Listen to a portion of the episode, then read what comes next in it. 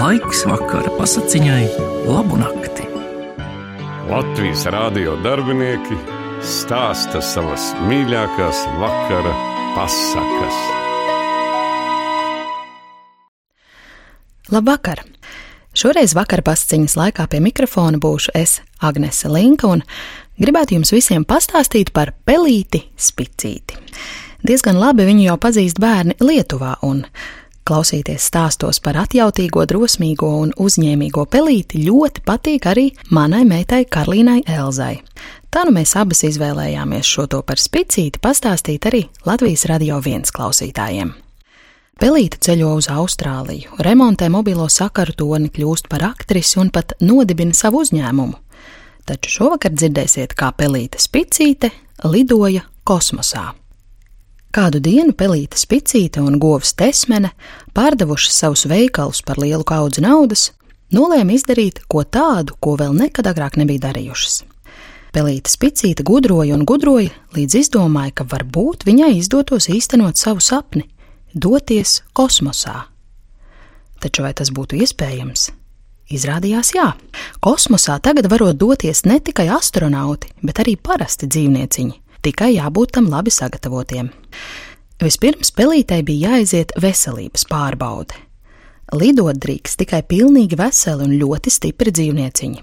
Ceļojums kosmosā ir ļoti grūts. Tā laikā nāks nokļūt bezsvara stāvoklī, līdzīgi kā augstu šūpojoties šūpolēs, un izjust lielu slodzi. Līdzīgi kā tev sākot ātri traukties automobīlī, mugura stipri piespiežas pie sēdekļa. Ārsts opusums zālītis izmeklēja pelīti un uzlielīja viņu. Kopumā tu esi vesela, taču tev jākļūst mazliet stiprākai un pēc tam nopietni jātrenējas.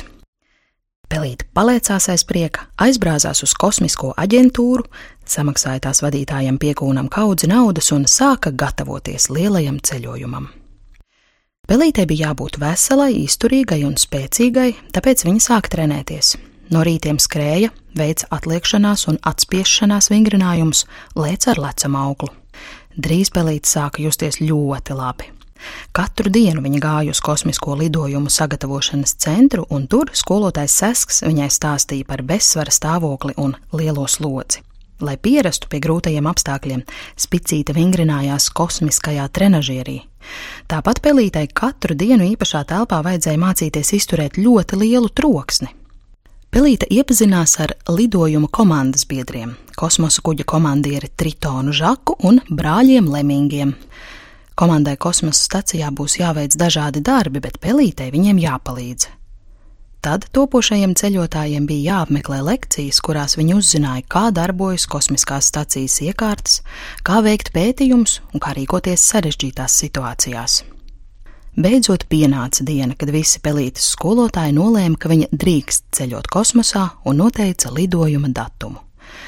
Lidojuma dienā pelīte vispirms uzģērba skafandru, kosmonautu apģērbu, kas nelaiž cauri gaisu, aiztur gan karstumu, gan augstumu un pasargā ķermeni no pārkaršanas. Tad viņa kopā ar pārējiem ceļojuma biedriem nofotografējās, iekāpa kosmosa kuģī un piesprādzēja drošības jostu. Kosmosa kuģī visi sēdēja tuvu cits citam, jo tajā bija ļoti maz vietas, apmēram tāpat kā uz automobīļa aizmugurējā sēdekļa. Komandieris Tritons Žaks ziņoja, ka komanda lidojumam ir gatava un iedarbināja kosmosa kuģa dzinējus. Sākās milzīgs troksnis. Atskanēja balss, kas skaitīja no 10 līdz 0. 10, 9, 8, 7, 6, 5, 4, 3, 2, 1, 0. Izskanot ciparam nulli, raķetes sāka drebēt un lielā ātrumā atrāvās no zemes. Kāds milzīgs spēks spiestin piespieda pelīti spicīti un pārējos kosmonautus pie kosmosa kuģa sēdekļiem. Līdz kosmiskajai stacijai komandai bija jālido divas dienas. Ceļotāji kosmosa kuģī gan gatavoja ēst, gan gulēja, tikai tur visu darīt bija daudz sarežģītāk. Nedarbojās zemes pievilkšanas spēks un viss lidinājās gaisā, Bija jāraugās, lai ēdiens neizlido no bļodiņām, bet dodoties gulēt, guļamais jāpiesprādzē ar īpašām siksnām. Pa kosmosa kuģa logiem iluminatoriem bija redzama zeme. Tā bija apaļa kā bumba un zila zila. Beidzot, kosmosa kuģis sasniedz kosmisko staciju. Pelīte Spicīte un visa komanda varēja pārcelties uz to. Kosmiskā stacija bija ļoti ērta. Tajā bija gan elektrība, gan ūdens, visa kā pietika, gan pārtikas, gan grāmatu, gan trenažieru. Bija arī laboratorija, kurā darbojās visi astronauti. Grūtās dienas beigās Pelīte bija nogurusi, bet ļoti laimīga. Viņa zināja, ka strādā zinātnes labā. Pirms gulētiešanas pelītes picīti vienmēr ilgi lūkojās pa kosmiskās stacijas logiem, iluminatoriem. Viņa nespēja vien nobrīnīties, ka Zeme, kas šķita tik liela, kad vajadzēja ceļot uz Austrāliju, no šejienes izskatījās tik maza, bet gaiss tikai plāna, plāna kārtiņa apkārt zemeslodei, līdzīga ābola miziņai apkārt lielam ābolam. Pelīte tīksminājās par lielajiem mīkstajiem mākoņiem, kas laidās pār ūdeni un zemi, brīnījās, cik briesmīgi izskatās dūmu mutuļi un tumšās vērpetes, kas ceļas no lielajām rūpnīcām un piesārņo gaisu. Tagad es zinu, cik svarīgi ir audzēt zemi, kurā ir mūsu mājas, viņa pie sevis noteica un apņēmās pēc atgriešanās to izskaidrot arī citiem. Diviem spicītas ceļojumu biedriem, brāļiem Lemingiem, bija jāveic neliels kosmiskās stacijas remonts. Viņi uzģērba skafandrus un izgāja atklātā kosmosā. Lemingi piestiprināja sevi garās trosēs pie stacijas ārējās sienas. Ja astronauti to nedarītu, viņi netiktu draugiem līdzi un paliktu kosmosā vieni paši. Lemingi rīkojās ļoti uzmanīgi un veiksmīgi salaboja staciju.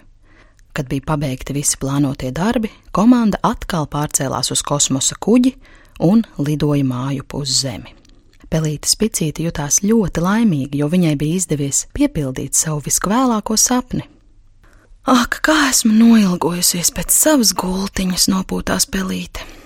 Vispirms kārtīgi izgulēšos, un pēc tam varēšu izgudrot vēl kādu citu sapni, pēc kā tiekties, un izdomāt, kā to īstenot.